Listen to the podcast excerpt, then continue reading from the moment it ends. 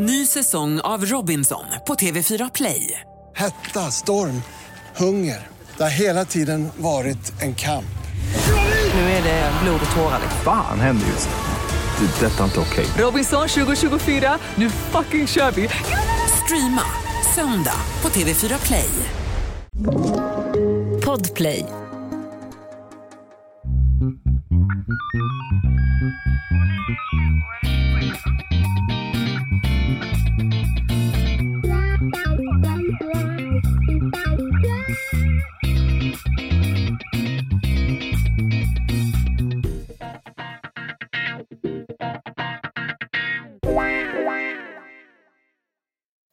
Välkomna till krimpoddarnas krimpodd Över min döda kropp med mig, Anna Inghede och Lena Playan Ja. Ljungdahl. Rub it in. När du, när du hör det här, jag är ju egentligen inte här. Nej, precis. Now du, you see me, now you, now don't. Du ghostar podden Ja, nästa jag vecka kan man ghostar er. Mm, mm. Ja, Ja, men, men jag tycker jag, förlustar bara, mig. det tycker jag bara är roligt. Jag är jätte, jätteglad för din skull. Om jag skulle definiera dig, det är en av dina starkaste karaktärer, att du är så bra på att känna glädje med människor utan ens ett uns av sting. Där har vi dig. Det gör jag väl. Jag är glad för din skull. Jag är också ganska avundsjuk på dig som får göra det här. Åka Ja. till varmt land. Det skulle jag gärna också Ljus, vilja göra. framförallt ljus. Ja. ja. Nej, det blir bra för dig. Det kommer att bli. Det blir bra, men ändå när jag är där borta så levererar jag här Ja. samtidigt. Det är Det är otroligt. otroligt. Det är otroligt. Vi ska prata om grundlagarna idag, men är det någonting som du skulle vilja säga innan? tycker inte jag har så mycket sp- spännande och nytt och fräscht att komma med faktiskt. Egentligen. Du har definierat februari precis. Ja, men ungefär så faktiskt. Det, Ja. Jag tycker dagarna bara går i varandra. Jag liksom hinner knappt reflektera över vad det är för dag eller vecka eller sådär. Det är bara, det är bara en passage nu, en transportsträcka till poolöppning. Ja, en ungefär så. passager. Mm. Men du har en, en jätte, jätteviktig lista på slutet av avsnittet. Ja, men det har jag. Idag är den otroligt viktig. Ja, Ja, som sig bör. Ja. Vi har också lite kul att säga i slutet på avsnittet. Med det? saker som folk Ja. kan se fram emot till våren. ja, ja, ja. ja. Ja. Mm, mm, mm. Jag är med. Men om du inte har något så jävla roligt att säga, då tänkte jag dra igång. Kör för tusan. Vi är ju krimpoddarnas krimpodd. Även den så kallade folkbildningspodden har vi bestämt själva. Eller också har vi fått höra det, att folk lär sig saker. Senast idag, apropå att vi lär folk saker som är ibland jätteviktiga. Mm. Och jag, jag vill inte förta viktigheten i dina listor, men det finns ju andra saker också vi lär ut. Ja, Som också är ja. ja viktiga på absolut. riktigt. Ja, ja, du menar så. Självklart. Jag var idag och föreläste för framtidens ledare på Karolinska institutet. Massa forskningshandledare, Åh. kanske några som du har Säkert. haft. Och då var det en tjej som kom och sa, för henne utbildade jag eh, en annan KI-utbildning för ett tag sedan. Och då sa hon, jag måste bara berätta för dig, jag hamnade i en bilbrand för inte så länge sedan. Oj. I min egen bil alltså, när, när, när bilen började brinna. Ja. Och då fick jag panik och hörde ingen såg in. Och sen så hörde jag bara Lena skrek! Och sen så liksom hur här, mental förberedelse, kunskap om det här med att komma loss och komma ur och så vidare. Mm. Jag var liksom med henne i bilbranden. Jag tycker det är fint. Oj, vad mäktigt. Ja, verkligen. Idag ska vi folkbilda om något helt annat. Mm. Grundlagarna. Det kanske inte blir mer grundläggande folkbildning än så. Tycker du inte att man som svensk medborgare ska ha en hyfsad koll på grundlagarna? Definitivt. Det tillsammans med de första tio på ATP-rankingen är väl det jag anser vara viktigast att ha i sin allmän kunskapslåda, så att säga. Ja. Nu googlar ganska många människor vad, vad ens det är du sa. ATP, är det det där som frigörs i kroppen vid anaerob Ja, träning? det. Nej. Just det. Energin. Nej, Ja, nej, nej. Tennisrankingen förstås. tennis. Ja. Ja. Den överlåter jag till dig. Jag tänker att jag ska eh, med din hjälp pensla oss igenom grundlagarna. Det är en hygienfaktor, tycker jag. För kan man grundlagarna och historiken kring dem, då kan man också en hel del om eh, svensk historia, svensk statsskick Ja. och ens rättigheter. Och det vill man ju veta. Jag tror också att om man känner till vilka grundlagar man omges av så kommer Mm. man också förhålla sig till sig själv som medborgare i en rättsstat på ett annat sätt och man kommer förhålla sig till hur statsskicket, samhället och eh, en massa andra saker fungerar. Det fyller ett större syfte än många faktiskt förstår. Ja. Fler och fler gånger när jag är och utbildar så reflekterar jag själv över vad det egentligen är vi pratar om och jag landar oftast i att som individ och som arbetstagare och som homo sapiens så förhåll dig för fan. Alltså man kan inte bara förbli. Så här är jag, så här har jag alltid varit. Allting är statiskt, allt är som det vill. Det ska inte komma några curvesball. Det är så mycket skit som händer så det är bara att förhålla sig. Man måste skaffa sig ett förhållningssätt till sina medmänniskor, till lagen, till sin arbetsuppgift, till massa saker. Och vissa människor verkar inte kunna förhålla sig. Alls. Är det så? Hur tänker du? Jag är inte, för jag är inte riktigt med på vad du menar. så här, det händer ju saker längs vägen. Det är få människor som föds och dör och däremellan kan förutse allting och få det som man vill ha det hela tiden. Utan du kommer behöva förhålla dig till det faktum att du har en chef. Du kommer behöva förhålla dig till det faktum att en människa kan hoppa på dig och vilja göra saker med dig. Du behöver förhålla dig till det faktum att det finns någonting som heter allt från gruppdynamik till människor med andra religioner till en lag som liksom begränsar dig. Och vissa människor verkar inte fatta att de måste skaffa sig ett förhållningssätt till det. Och sen bara gå runt och känner sig tilltufsade, jag får ingen information. Nej men du måste förhålla dig till lagen, det är ingen som får ge dig information. nej. Jag får inte göra så här. Nej men du måste, det här med att förhåll dig. Jag är med. Jag förstår hur Ja, du tänker. ja. Mm, med. Nu ska vi förhålla oss till grundlagarna. Det är ju speciella lagar och det kommer jag komma in på lite senare och eh, liksom varför det är så förbannat svårt att byta ut dem.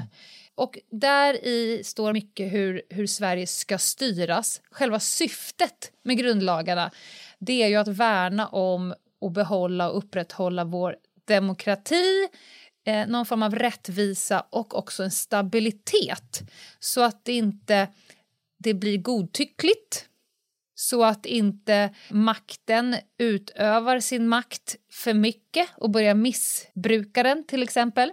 Sverige är lite känt för olika bra saker. Vi blev ganska nyligen framröstade till ett av världens bästa länder att bo i. Tycker jag är också fräscht att tänka på medan folk går runt och muttrar om systemkollaps och vart är mitt fina Sverige på väg. Det kanske är fräscht att påminnas om det eh, Ja. också ibland. Ja, vi är känt för många bra saker, framförallt att vi är så innovativa och mycket teknik och vetenskap och, och, och jämställdhet och välfärd och så vidare. Men vad är liksom grunden för framgången? Man, Det har inte bara blivit så, utan jag skulle säga att mycket hittar man faktiskt i våra grundlagar och hur de är uppbyggda och hur mycket vi liksom har varit rädda eh, om dem längs med åren. Jag var ju tvungen såklart att fräscha upp mig och gå lite djupare. Att kika på Sveriges grundlagar och hur de har sett ut historiskt, det är faktiskt som att ta en liten resa i Sveriges både historia och liksom politik, samhälle, eh, värderingar, eh, hur det har utvecklat oss som personer, hur det har utvecklat landet Men- och samhället. Kan du inte ta mig med på, på resan? Eh, ja, det ska jag göra. Och grundlagarna har ju förändrats. Och nu, det är mycket debatt just nu om, om lagar och regler som man vill instifta men som inte går att göra med mindre än att man ändrar grundlagen. Och då säger folk att vi ska aldrig ändra grundlagen. Och då vill jag bara säga, hade vi aldrig ändrat i grundlagen då hade vi inte haft rösträtt. Eh, Precis. vi hade inte haft det, parlamentarismen som vi har nu. Victoria hade inte kunnat få bli drottning. Nej, alltså, så vi måste ändra grundlagarna då och då, men man ska göra det med en ett stor portion av eh, lugn och ro Mm. och utredning. Men lite historisk eh, tillbakablick. Den grundlagen som vi har nu, 1974 fick vi liksom en helt ny reform och författning och partierna gavs en central roll i det politiska liksom, livet. Från början var det ju kungen som hade typ all makt. Den har ju minskat längs med åren.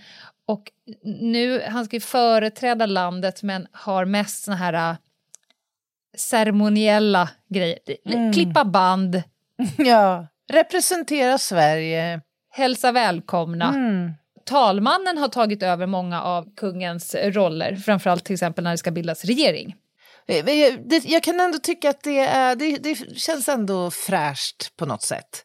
Ja, Att, att kungen kanske inte ska vara in och peta i domäner där han kanske Nej. inte är särskilt kunskapstung och erfaren. hade vi inte haft reformerna 1809, 1910, 1919 då hade vi ju eh, haft det som det var förr. Ja. Och jag ska ta ett citat. Maktdelningslärans främste filosof. Oj. Ja, Montesquieu. Det har du ju hört talas om. Ah, Montesquieu. Oh ja, Montesquieu. Ja.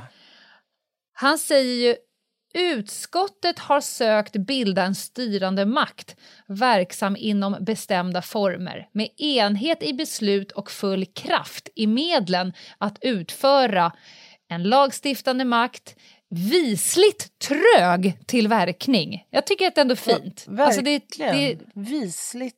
det är något trög. fint med att vara lite trög. Du och Montesquieu är ju, så att säga, krokat arm. Visligt trög, men fast och stark till motstånd, alltså riksdagen. En domaremakt, självständig under lagarna, men ej självhärskande över dem. Det är ju precis som det är. Det är någon som stiftar lagar och sen är det någon som ska se till att de följs. Och det är inte samma eh, maktfunktion. Han har något, eller? Ja, verkligen. Han, han har ett extremt högtravande språk, om inte annat. Det där Ja. hade tagit mig två dagar att formulera, tror jag. Den där, det, Eller så hade det tagit citatet. mig två dagar. det här tar våran redaktör två dagar att tvätta bort det där språket från det du skriver. Nej, skämt åsido. Benar man ut det han säger så är det ju till mångt och mycket så här som det är nu. Jag tänkte ju säga det här är ju fullt applicerbart på Sverige anno 2024. Ja. Och grundlagarna är speciella lagar och därav så är de väldigt svåra att ändra på. Annars så kan man ju under en regeringsperiod, liksom, vi vet ju bara nu efter tidavtalet, det bara sprutar ju ut Ja. eh, nya lagrum. Ja. Men icke gällande grundlagarna. Det ska nämligen finnas både tid för eftertanke och man måste kika på om vi ändrar grundlagen, vad har det för, eh, för konsekvenser? Och är det verkligen genomtänkt, inte bara det som känns bra här och nu? Till exempel var det väldigt många som pratade om att ändra i grundlagen, yttrandefriheten, efter att Paludan hade vevat runt och satt Sverige på skitkartan Exakt. eh, många sa ändra, ändra, ändra. Jag skulle säga att man lite eftertanke, vi kan inte ändra ett lands grundlag på grund av vad en person gör. Nej, nej. Det kan vi Det, I inte. alla fall inte utan en ordentlig portion eftertänksamhet. Jag tänker så att grundlagarna är ju vårt lands mest superiora lagar. Det innebär ju också att det går väl inte heller rent formellt och praktiskt att bara så att säga, slänga in en motion om en lagändring och, och påkalla en utredning som man gör i normala fall när Nej. man stiftar nya lagar.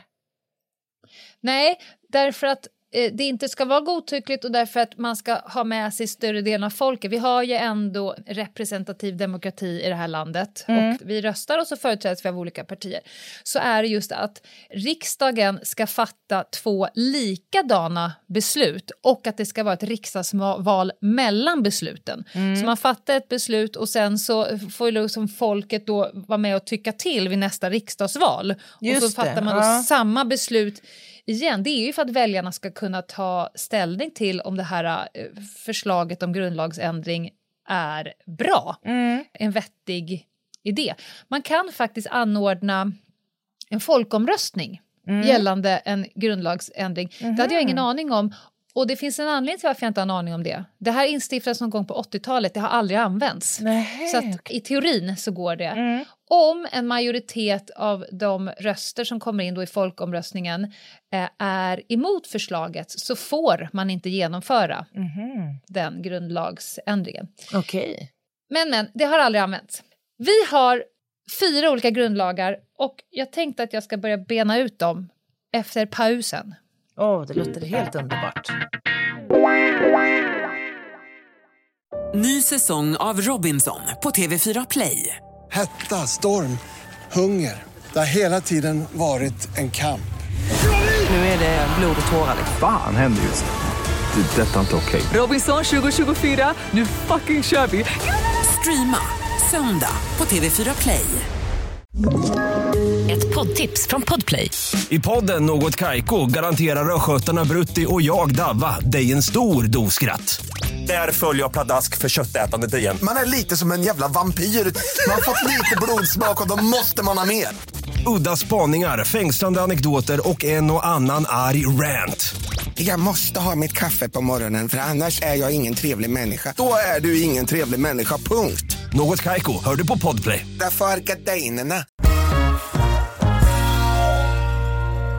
Välkomna tillbaka! Ni lyssnar på krimpoddarnas krimpodd. Jag sitter baksatt. Eh, Lena guidar oss igenom våra fantastiska grundlagar. Regeringsformen har vi varit inne på flera gånger i poddens historia. Och det är omöjligt att prata till exempel våldsanvändning, tvångsmedel eh, och faktiskt också brott och straff utan att toucha regeringsformen. För i grunden så är ju vi människor skyddade mot ingrepp i vad vi får tycka, uttrycka, vad vi ska vara någonstans, vart vi ska gå någonstans, vart vi ska klä oss och så vidare. Så hade det inte funnits en, en grundläggande skydd mot detta, då kan man ju så att säga inte heller begå brott emot det. Så att de där det. går lite hand i hand. Så att regeringsformen har vi varit inne på flertalet gånger. Jag kommer ändå pensla igenom det viktigaste. I regeringsformen så står det all offentlig makt i Sverige utgår från folket och att riksdagen är folkets främsta företrädare. Hens representativ demokrati. Vi röstar på partier och eh, man får makt och sen så representerar då de folkvalda, det är därför det heter folkvalda.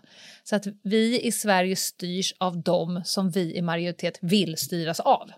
Just det. Det här Eh. tycker jag är en viktig också poäng att eh, Ja. påminna människor om. Den här missnöjesuttrycken som man kan skåda i allsköns forum. Ja. Eh, Och där man å ena sidan vräker ur sig sitt missnöje från om en det ena, en det andra och samtidigt tycks glömma bort att det här är vad du själv har valt och du har faktiskt själv en möjlighet att påverka saker och ting. Ja.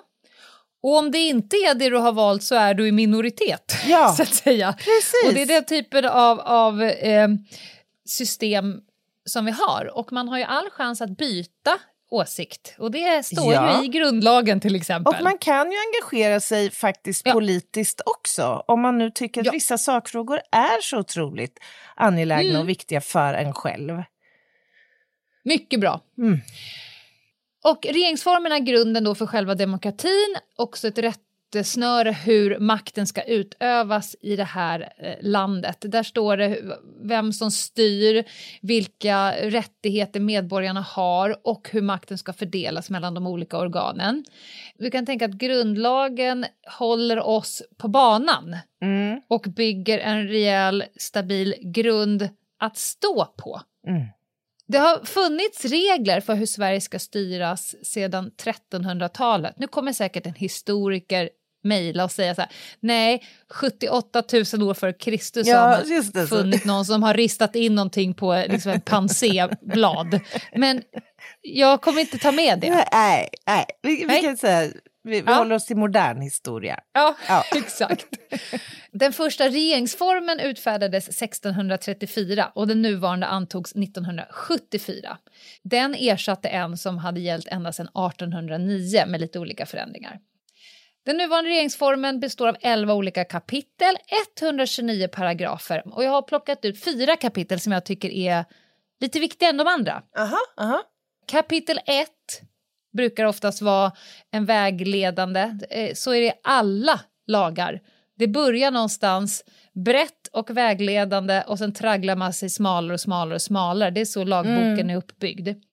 Eh, där finns det de allmänna bestämmelserna. Alltså, grundläggande om hur, hur Sverige ska styras, att vi är en demokratisk stat och att makten utgår från folket. Mm. Det vi har varit inne på. Kapitel 2 handlar om riksdagen. Kapitel 3 handlar om regeringen. Och kapitel 9, det är väl det kapitlet som du och jag har brötat mest i. För att det handlar om rättsväsendet Mm. och hur liksom domstolarna och allt därunder ska fungera. Mm, mm. Medborgarnas grundläggande fri och rättigheter har ju en central placering i regeringsformen eh, och skyddar medborgarna så att de ska ha frihet att uttrycka sig, frihet att mötas, att demonstrera, att få delta i föreningslivet, att få eh, tro på vad du vill, utöva vilken religion du vill. Där finns det också eh, tas upp att det inte får finnas någonting som dödsstraff i Sverige. Man får inte heller diskrimineras på grund av etniskt ursprung, hudfärg, sexuell läggning eller kön. Och det här har vi varit inne på många gånger, så jag bara säger det igen. Ja. Är det något du vill tillägga på regeringsformen? Nej, men man påminns ju varje gång du pratar om regeringsformen hur centralt det har varit för, för Sverige under väldigt, väldigt lång tid att tillkännage detta, medborgares friheter, rättigheter Ja. och friheter. Det tror jag, som svensk ut i världen, så är ju en av sakerna som Sverige är kända Ja, för. men exakt. Och det satt jag faktiskt funderade på och här. Hur, stoltheten. hur andra länders så att säga, grundlagar ser ut. Även de Ja. andra demokratiska stater kan det nog skilja sig ganska mycket från eh, i Sverige. Oh ja. Och det är ingen självklarhet och det var inte för evigt utan det här är någonting som med näbbar och klor ska försvaras. Mm. Igår kom Säpos nya årsrapport ut för 2024. Aha. Jag skummar ju såklart igenom den och vi kommer givetvis ha ett avsnitt på den precis som vanligt. Mm. Men eh, återigen, det är väldigt många angrepp och Mm. länder som försöker söndra oss, så att säga, att vi ska söndra oss inifrån Mm.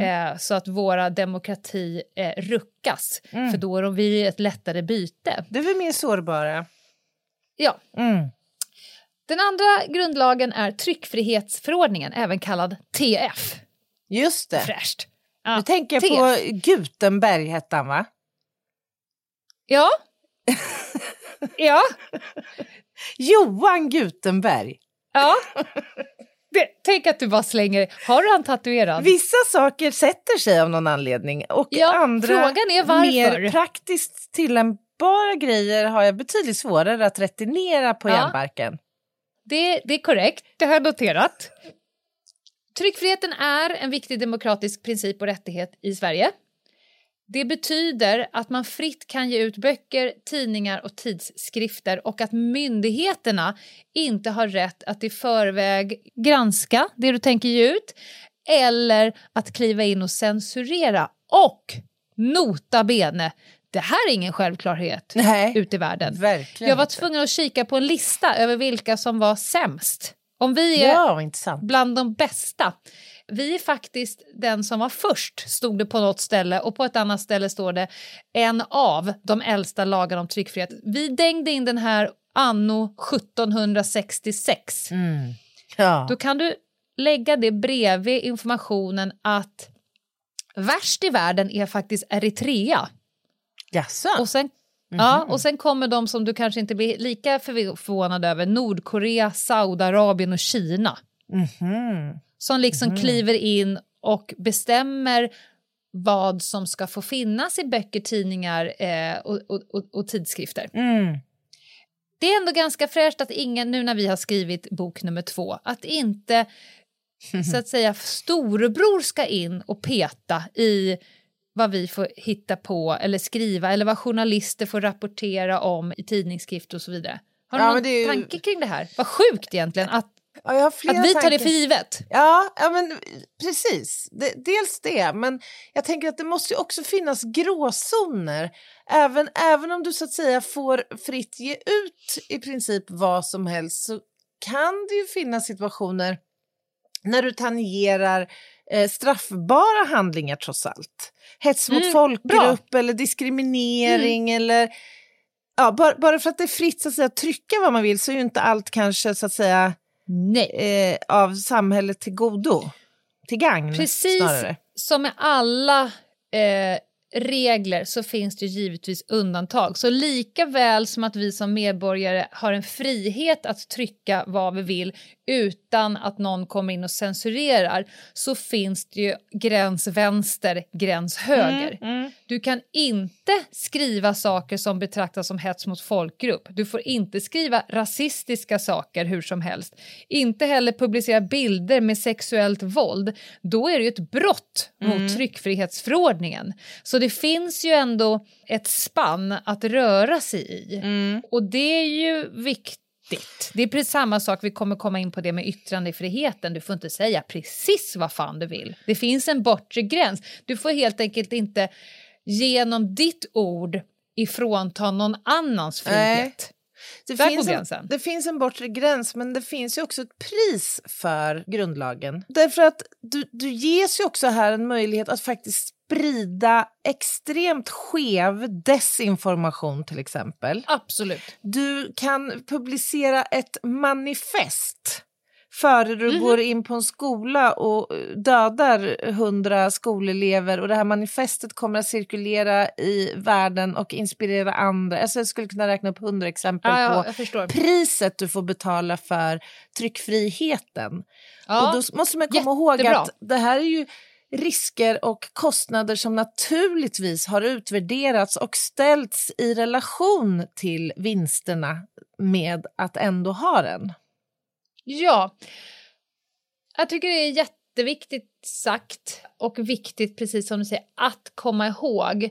Om man hårdrar det, det finns något, ett syfte med att Paludan och de andra gör som de gör. För det vi gör då, det är att vi direkt diskuterar på att ändra våra grundlagar minska de demokratiska eh, liksom, rättigheterna, polarisera oss så att vi blir... Så att man kan inte få det ena och inte den andra. Nej. Det är som i allting annat, du får inte välja på bajskorv och strössel utan det är liksom vad är minst dåligt och i det här fallet så vill vi så långt det bara går freda våra demokratiska fri och rättigheter så mycket det bara går.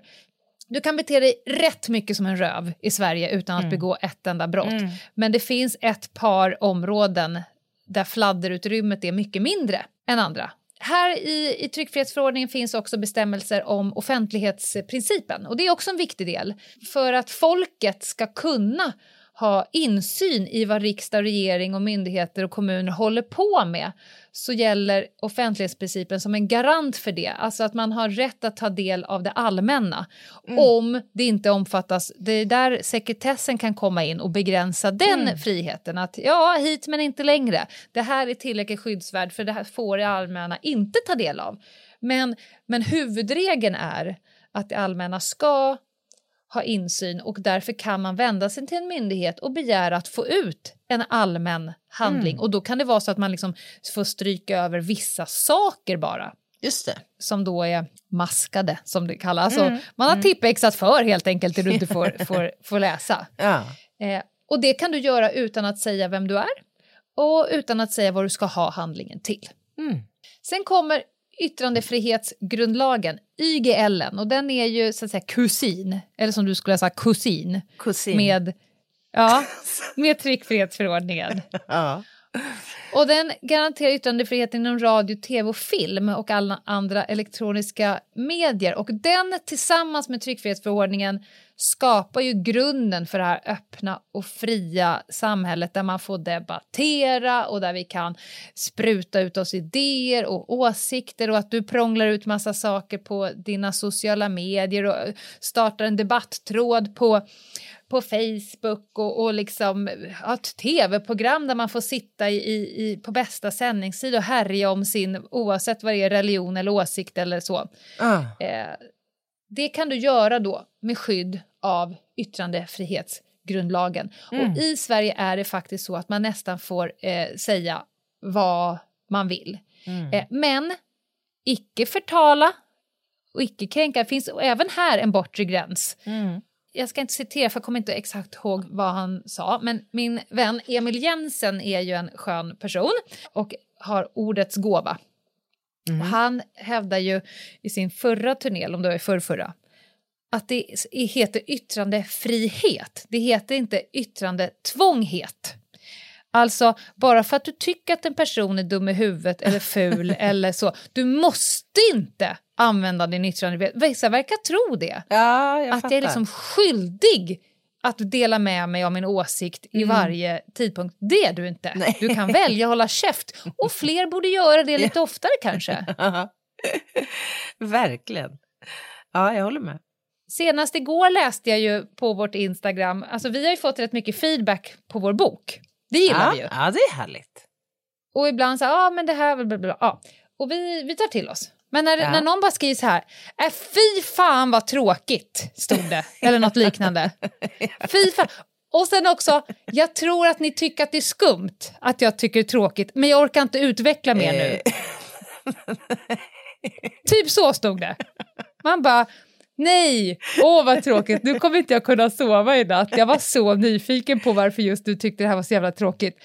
Ja, men det räcker ju att gå in på vilken känd persons Instagram som helst Ja. så undrar man ju om folk är på riktigt lite dumma i huvudet generellt. Ja, men alltså. det är de. Det tror jag Herregud. generellt. Ja. Så man blir sur över att Tilde de Paula har röda byxor på sig. Det är en frihet, kära vänner. Feel free att hålla käften då och då. Ja, och myndigheterna får precis som med, med eh, tryckfrihetsförordningen inte kliva in och förhandsgranska det som ska sändas i tv, radio eller andra tekniska upptagningar. Det finns dock ett undantag. Jaha, Film på bio okej. är det enda massmedium som får förhandsgranskas av staten. Till exempel så kan ju de här gå in och sätta åldersgräns. Ja, ja, ja. Ja, men det är ju rimligt ändå. Ja. Jag tänker på den sto- jättestora nationen i öst, du vet, Ryssland. Tänk att leva som medborgare där och Mm. antingen vet man eller så förstår man inte, jag vet inte vad som är mest troligt, att den information du får dig till livs via liksom, publika media, och officiella kanaler, är kraftigt censurerat, kraftigt manipulerat och du får inte veta hela sanningen eller allt. Men det är ren lögn. Det är rena de får. lögner. Ja. Alltså vilken, vilken fruktansvärd terror det är.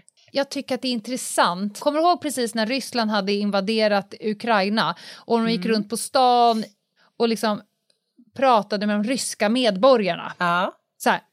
Och då var det många som tänkte att det är väl bra att vi kliver in och äntligen befriar det ukrainska folket från Ja. det nazistiska styret. Ja. Och då undrar jag, min första tanke är så här, gud, är ni helt eftersatta eller? Men så kom man på så här, vänta, du är född i ett land där Mm. Ja. du har matats med ett narrativ från staten. Men också, Anna, hur många av dem som sa så i tv tänkte tvärtom, men vågar inte ens säga ja, det? Ja, faktiskt. Alltså att det till Mm. och med kan gå laget runt så att det är så här, de vet exakt, Mm. men det kommer de inte säga på tv. Ja, ja, ja. Och då kommer de få en liten giftpuff i ansiktet när de är och handlar nästa gång. Ja, men exakt. Alltså, fruktansvärt otäckt. Ja, Och, och ett mycket effektivt sätt att hålla en, en, en hel nation i ett Mm. järngrepp, faktiskt. en klassisk diktatur. Mm. Är det. Men även yttrandefrihetsgrundlagen har ju en gräns och det finns inget skydd mot hatiska uttalanden. Du kan liksom inte hävda yttrandefrihetsgrundlagen om du kastar ur hatiska uttalanden mot en viss grupp. Utan då finns det brott enligt vår brottsbalk och därmed kan du få straff för det trots att vi har YGL som grundlag. Och nu den sista då. Jag skulle vilja säga att den här grundlagen har vi nog aldrig varit inne på i poddens historia. Självfallet. Successionsordningen. Just det. Ja, Nej. vad har du på gamla SO? Vad har jag på gamla SO? Nej, jag, tänk, jag får ju genast upp eh, kungen på näthinnan. Ja, Och apanaget. Det omtalade apanaget. ja Det där är en het ja. potatis för Det är en het i, i, potatis. i vissa trådar på Facebook bland annat. Ja, ja, ja. Man kan ju välja på att gå ur kyrkan och få tillbaka sina 24 kronor och 75 öre eller vad det nu är Ja. man betalar. Men man kan liksom inte gå ur apasnaget. Det är bara att bidra. Det är tyvärr bara att bidra. Mm. Den successionsordningen som vi har nu den fastställdes 1810. Men efter 1810 har den ju ändrats flertalet gånger. Ja, men det är ju rimligt. Jag, när du frågar vad tänkte jag på, jag tänkte också samtidigt att det är det inte lite ålderdomligt med monarkier och alla dess principer. Att med all respekt för vår kungafamilj, jag känner en enorm eh, stolthet över den. Men det är någonting i det som också Vissa känns delar kanske lite... av den. Ja. ja. ja, jo. Ja. Det, det har passerat saker också som Ja. man kanske inte... Sådär. Men, men alltså, förstår du hur jag tänker? Lite Jag förstår. så här- Tror du att successionsordningen ser likadan ut och tror du att kungamakten har, ser likadan ut i Sverige om, låt säga, hundra år?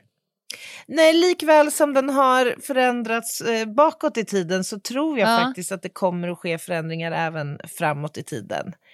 Ja. Det, det är ändå troligt. Kung Carl den 16 Gustav är i dagsläget Sveriges statschef, som det heter. Och det låter ju som att det är massa makt i det ordet, men det är ju inte särskilt mycket makt kvar i det. Nej. Men det heter statschef.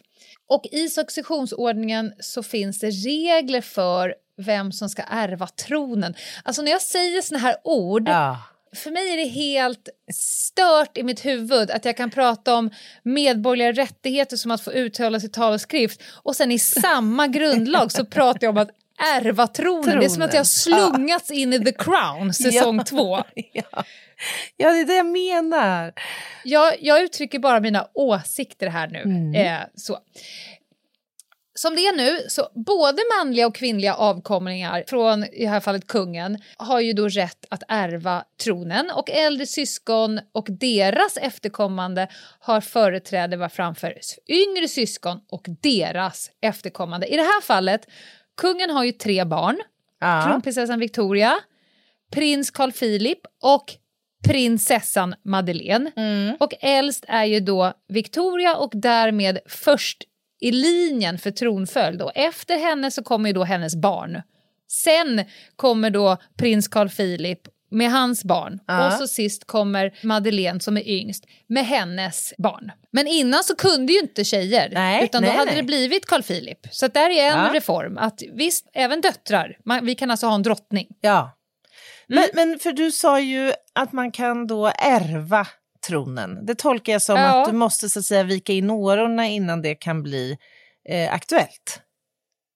Ja, Men, eh, nej, eller? du kan ju avsäga det, du kan ju abdikera. Ja, men finns det något däremellan? Om du så att säga skulle drabbas av en stroke och eh, så att säga inte kunna uppfylla de krav som ställs på statschefen.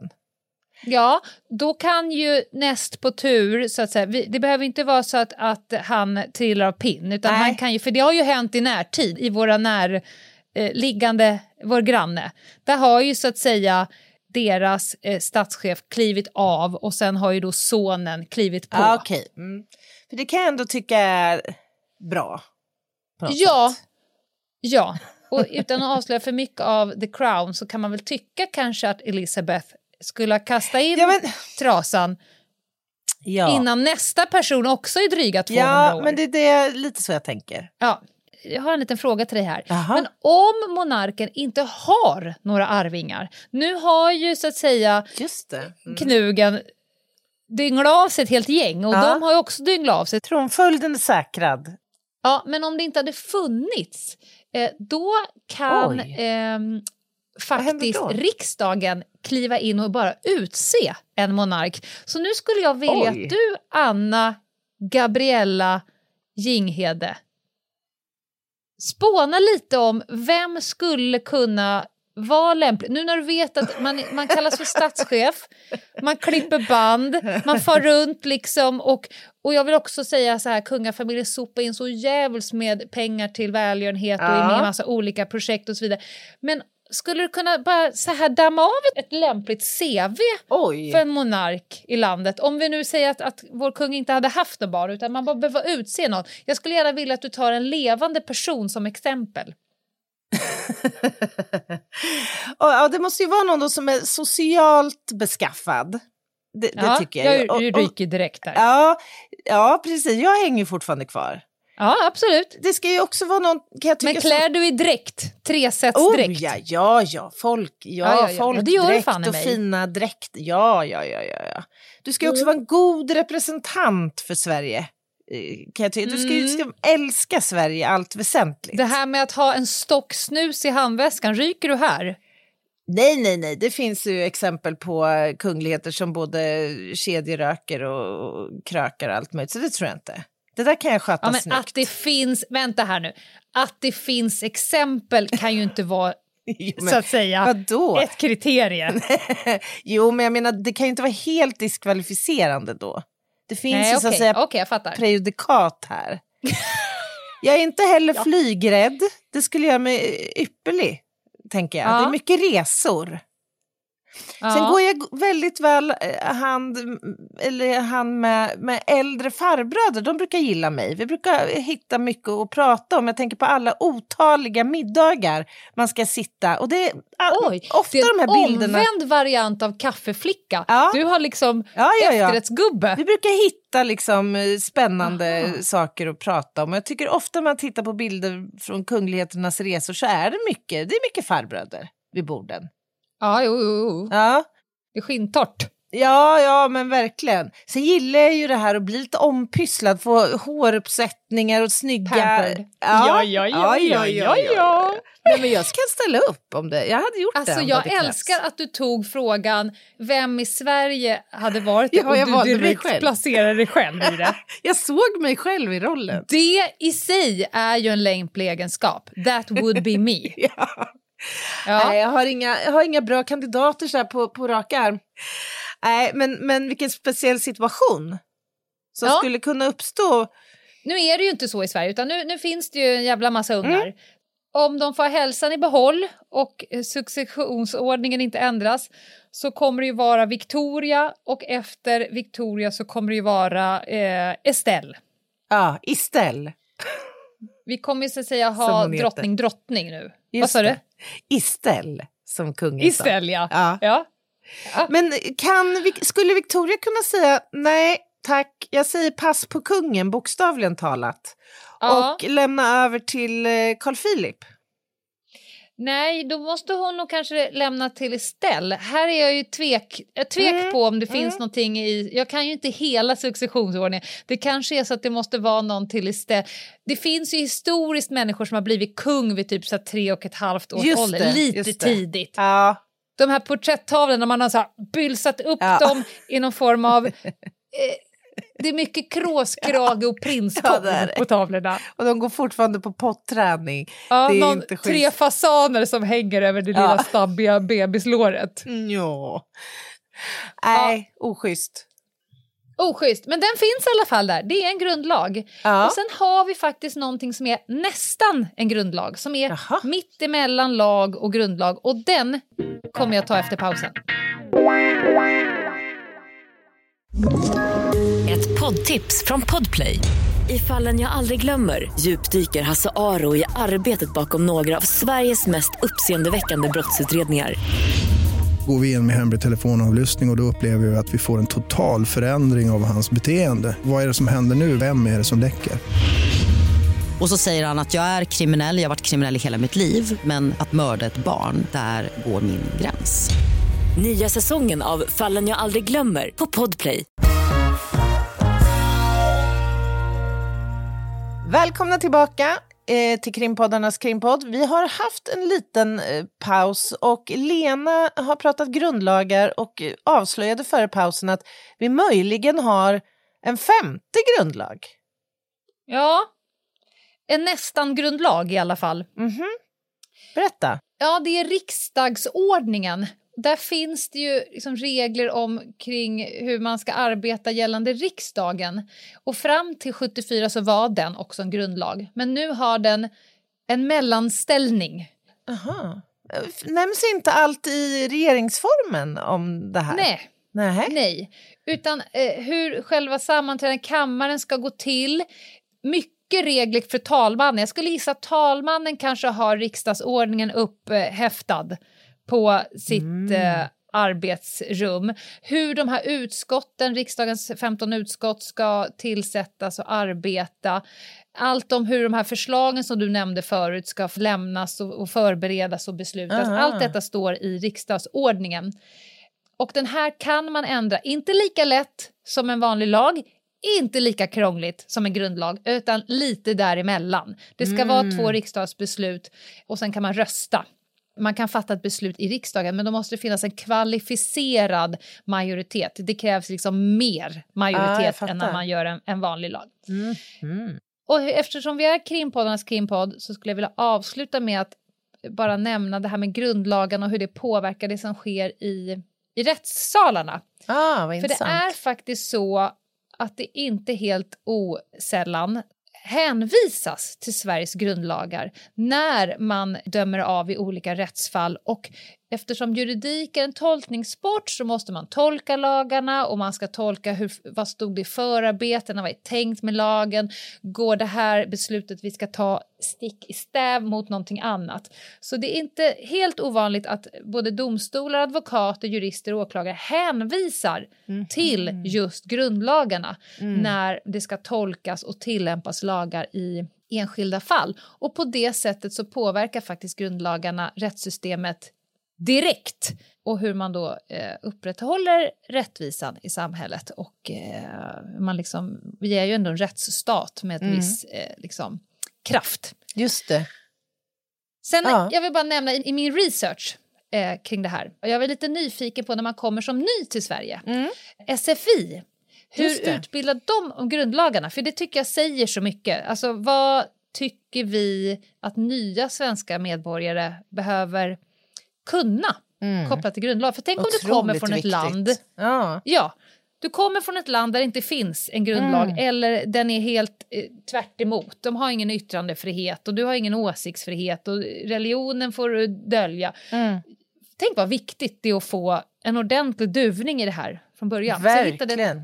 Verkligen. ett spännande arbetshäfte som man jobbar med, med olika rubriker. Jag tar bara rubrikerna. Åsikt och samtal, respekt, rätt att tala och rätt att tiga, Mm. rätt att välja och rätt att byta.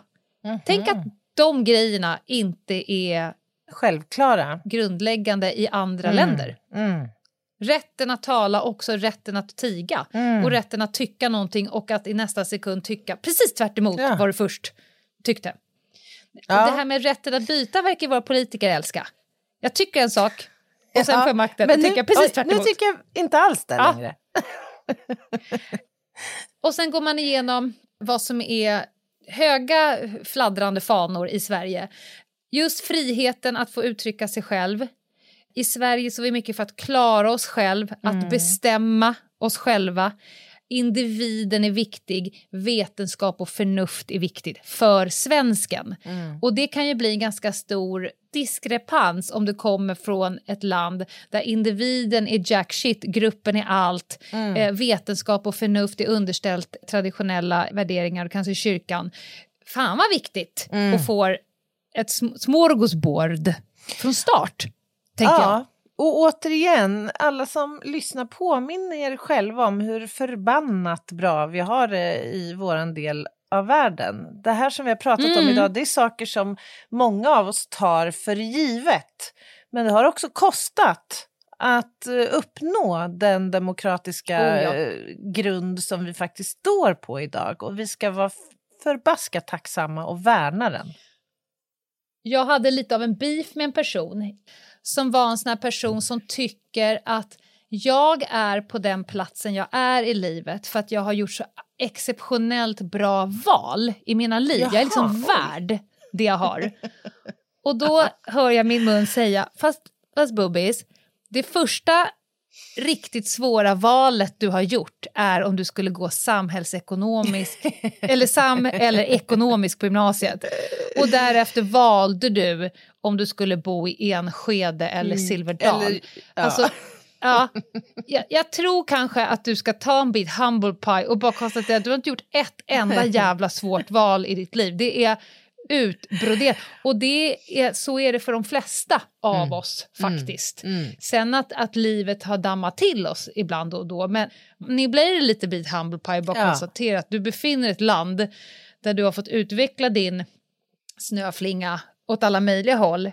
Och med facit i hand kanske du valde fel ganska många gånger med tanke på hur många vidriga människor det finns. Verkligen. Ja. Ja.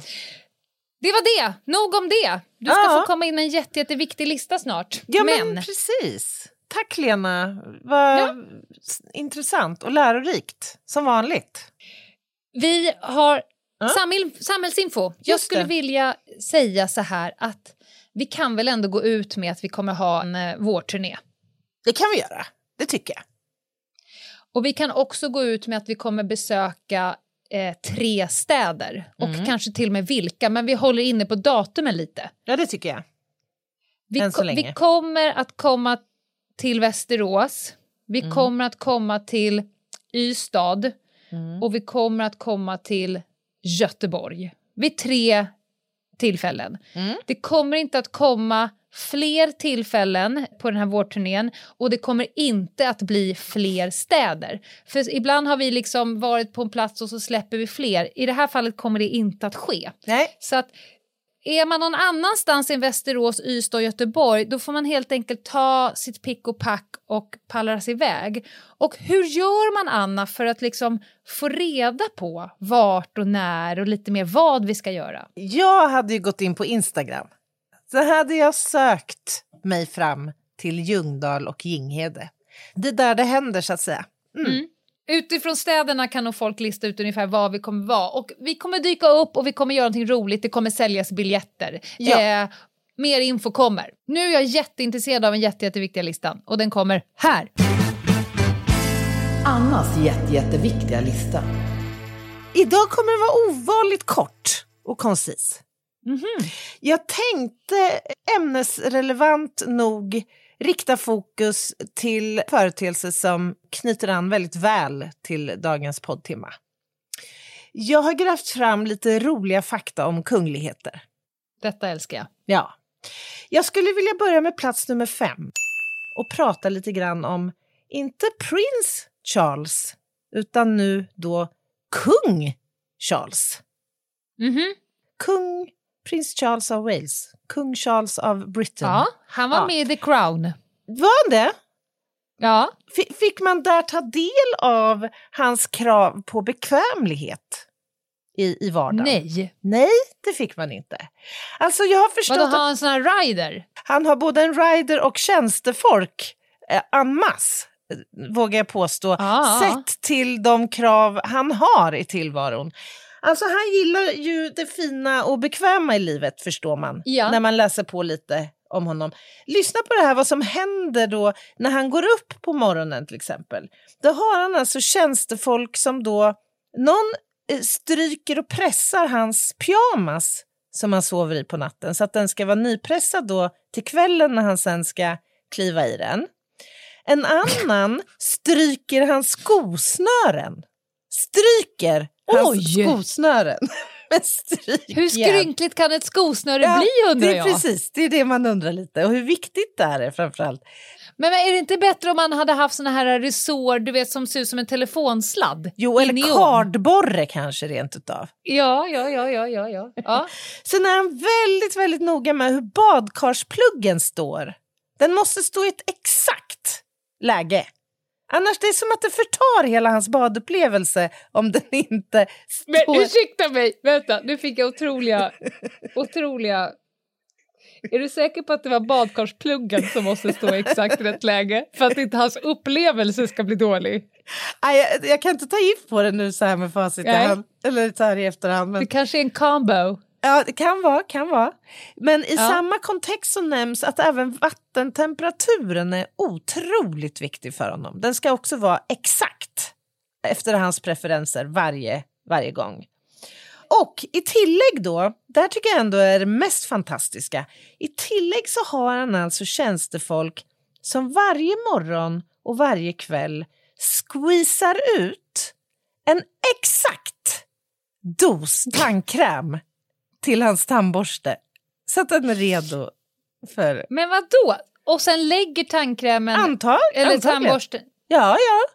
En tandborste med en klutt tandkräm på, hundra fall av hundra välter den. Det går ju inte att lägga ifrån Ja, ja. sig en tandborste.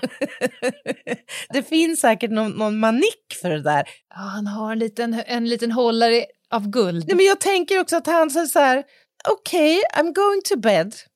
Och sen så är det något som fördröjer honom. Det kan, kanske är sena nyheterna som ändå så lockar honom kvar.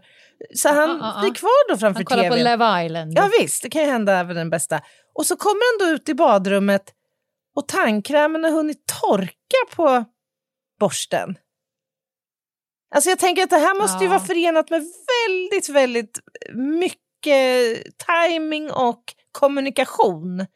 Har han, tror du, som en liten klocka som han ringer i? Och så kommer någon och säger you rang, your highness. Ja, ja, ja. Ja. Och då är det så här, nu kommer han! Och sen är det visklekar, nu kommer han, nu kommer han, nu kommer han. Och sen Jaha. står det bara, en liten människa där och håller i tandborsten. Ah, nej, så fantastiskt. Det älskar jag, när man kommer in och har sån här hearing hos Queen Elizabeth. När Aha. hon tyckte att samtalet var klart, då hade hon ju på bordet bredvid sig en klocka. Mitt i när du pratar, Anna, så känner jag bara, nu är inte jag intresserad av längre. Pling! Då kommer in en person och bara hämtar ut dig. Det här hade Det gynnat ju mig så också. otroligt mycket. Fast jag säger bara till folk så här, vet du vad, nu har, tror jag att du har pratat klart. Oj, nu plingar jag visst i klockan här. ja, plats nummer fyra. Vi ska hålla oss kvar lite grann kring det här med tandkräm och tandstatus och, och allt vad det är. För man kan anta att kung Charles i vart fall har ett gott tandstatus. Men det, det slog mig att det är ju många kungar och regenter som, som så att säga, har levt i en tid när vi inte hade tandvård ut, särskilt utvecklad mer än att man fick gå till byns smed om man vill få en tand utdragen och så vidare. Men där ändå socker måste ha varit en ganska vanlig företeelse på slotten. Det var ju på Ja. slotten det fanns socker och liksom de rika boningarna. Mycket riktigt, Ja. jag hittade väldigt intressant eh, fakta om detta eh, rörande vår egen kung Gustav Vasa. För det var nämligen så att man grävde upp hans grav eh, någon gång 40-50-talet. Och han ligger begravd i Uppsala. Och så dokumenterade man ju då naturligtvis kistornas innehåll eh, noga. Och han låg ju då i en kista tillsammans med hans två första hustrur samt Johan den tredje och dennes eh, gemål. Och man röntgenfotograferade, här vill man ju göra antropologiska så att säga, studier på, på det här materialet. Och då visar det sig, jag har sett bilderna också, de ligger ute på skelettet och jag har sett röntgenbilderna. Han saknar ju massor med tänder, Gustav Vasa. Och han hade haft såna otroliga infektioner i käkarna så att han hade alltså benröta. Han måste ha haft så frukt, sån fruktansvärd tandvärk. Ja, Ja. otroligt Äh, fy. Jag vill bara säga att när du sa eh, eh, kung Charles tänder så då Ja. jag bara bildgooglade och Ja. fick en väldigt inzoomad bild på ett par riktigt rötiga jävla tänder och tänkte jag vad synd det var om honom. Sen när jag zoomade ut då var det käften på en Cavalier King Charles. en hund! ja men jag har aldrig tänkt på att den heter King Charles. King Charles. Tänkte men stackars jävel med vilka kraftiga hörntänder du har kungen. Men det var en, en hund. Otroligt roligt. Ja, det var lite kuriosa om Gustav Vasa. Plats nummer tre. Visste du att vår alldeles egna kung tycker om att gå på maskerad? Det har han gjort flera Nej. gånger. Jag var ju då tvungen att ta reda på vad har han valt att klä ut sig till Ja, gräshoppa, på maskerad. blåsippa. Blåsippa. Jag vill se honom som blåsippa. Även lista. Han har klätt ut sig vid ett tillfälle till arabisk shejk. Vid ett Oh, tillfälle... det hade han aldrig vågat nu för tiden. Nej, Oj, det, oj, det hade oj. nog Det där, det, inte det där är anno 90-tal. Ja, det, det är det säkert. Den där hade väl inte varit bra. Nisse har han varit utklädd till. Och han har också, håll i hatten, klätt ut sig till gondol.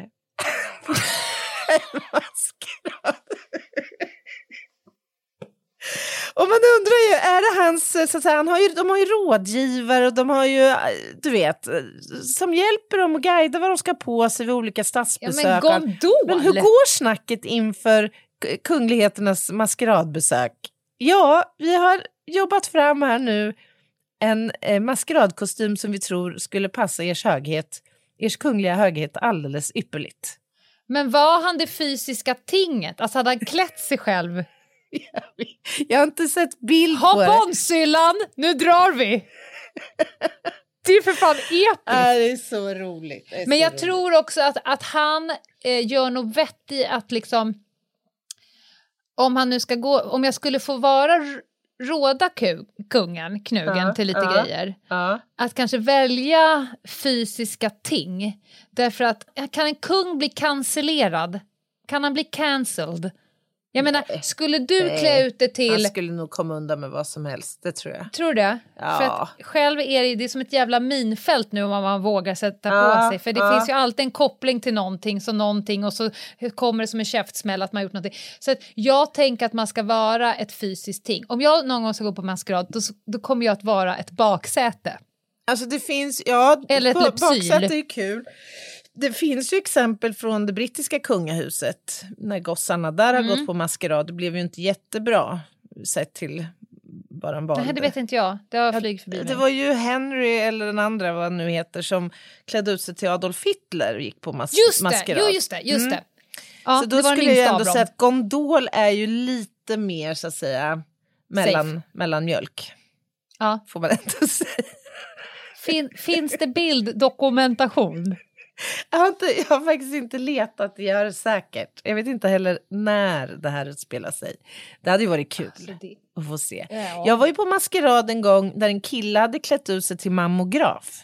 Det tyckte jag var faktiskt väldigt fyndigt och roligt. Ja, jag fick han eh, napp. Jag vet inte faktiskt. Place boob here hade han skrivit en skylt och gjort som en liksom platta då så man kunde få sina, ja, Ja. få göra en undersökning. ja, varför inte? Ja, ja, ja. Jag tycker det är innovativt och kreativt ändå. Ja, här hittar jag en bild på honom som... Nej. Som, eh, som nej, det var när han var shejk här. Okej, okej. Och drottningen ser ut att vara någon form av indisk prinsessa. Aha. Ja. Ja. Är någon som sitter på en bild på kungen iförd gondolkostym så skicka den gärna. Det hade varit roligt. Plats nummer två. Vi ska tillbaka till Storbritannien. Det finns en hel lång lista med märkliga regler som gäller där för kungahuset.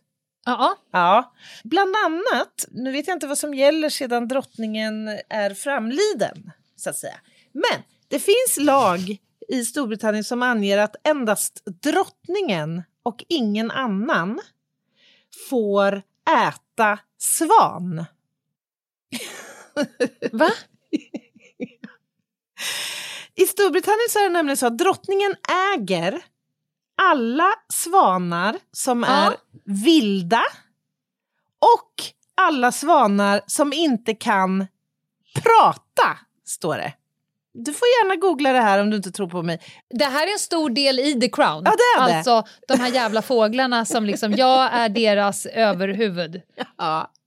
Ja. Eh, och av detta följer då att det är bara drottningen och möjligen kanske kungafamiljen då som får äta svanar också. Okej. Så att det är straffbart för alla och en var kungahuset undantaget att fånga Ja. och döda och äta svan.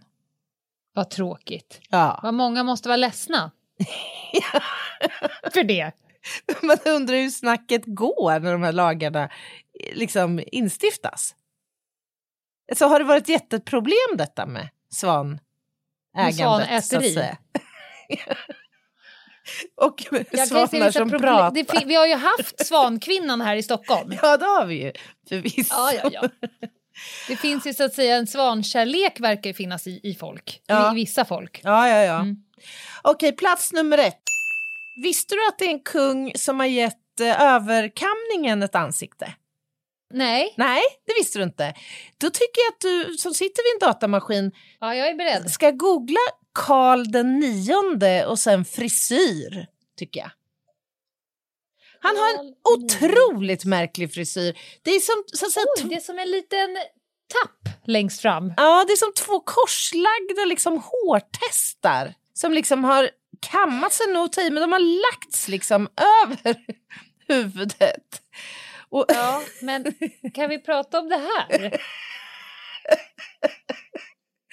ja, ja, det är fler som här? har inspirerats tydligen. Jag tycker att ni som Åh. tittar kan googla er vidare till Stefan Löfven med Karl niondes frisyr. Det var Gud, jätteroligt. roligt. Det sägs, jag var ju tvungen att kolla. Jo, jag, det har jag ett svar på. För det var ju en första fråga jag också ställde mig.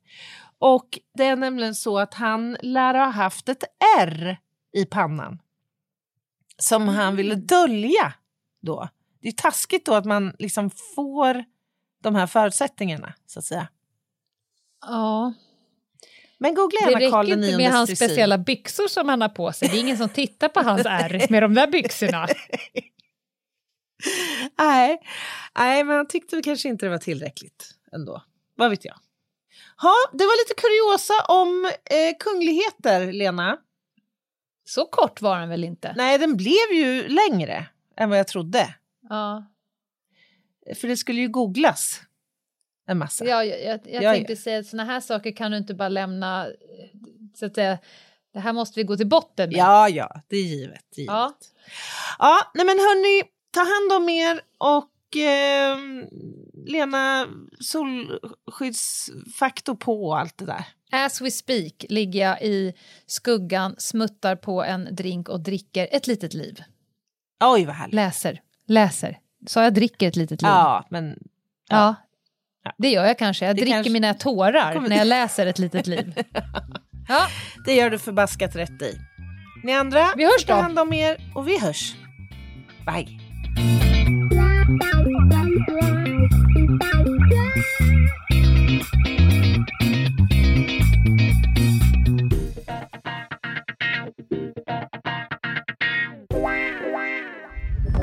Podplay, en del av Power Media. Poddtips från Podplay. I podden Något Kaiko garanterar östgötarna Brutti och jag, Davva, dig en stor dos skratt. Där följer jag pladask för köttätandet igen. Man är lite som en jävla vampyr. Man har fått lite blodsmak och då måste man ha mer. Udda spaningar, fängslande anekdoter och en och annan arg rant. Jag måste ha mitt kaffe på morgonen för annars är jag ingen trevlig människa. Då är du ingen trevlig människa, punkt. Något Kaiko, hör du på Podplay. Därför arkadeinerna.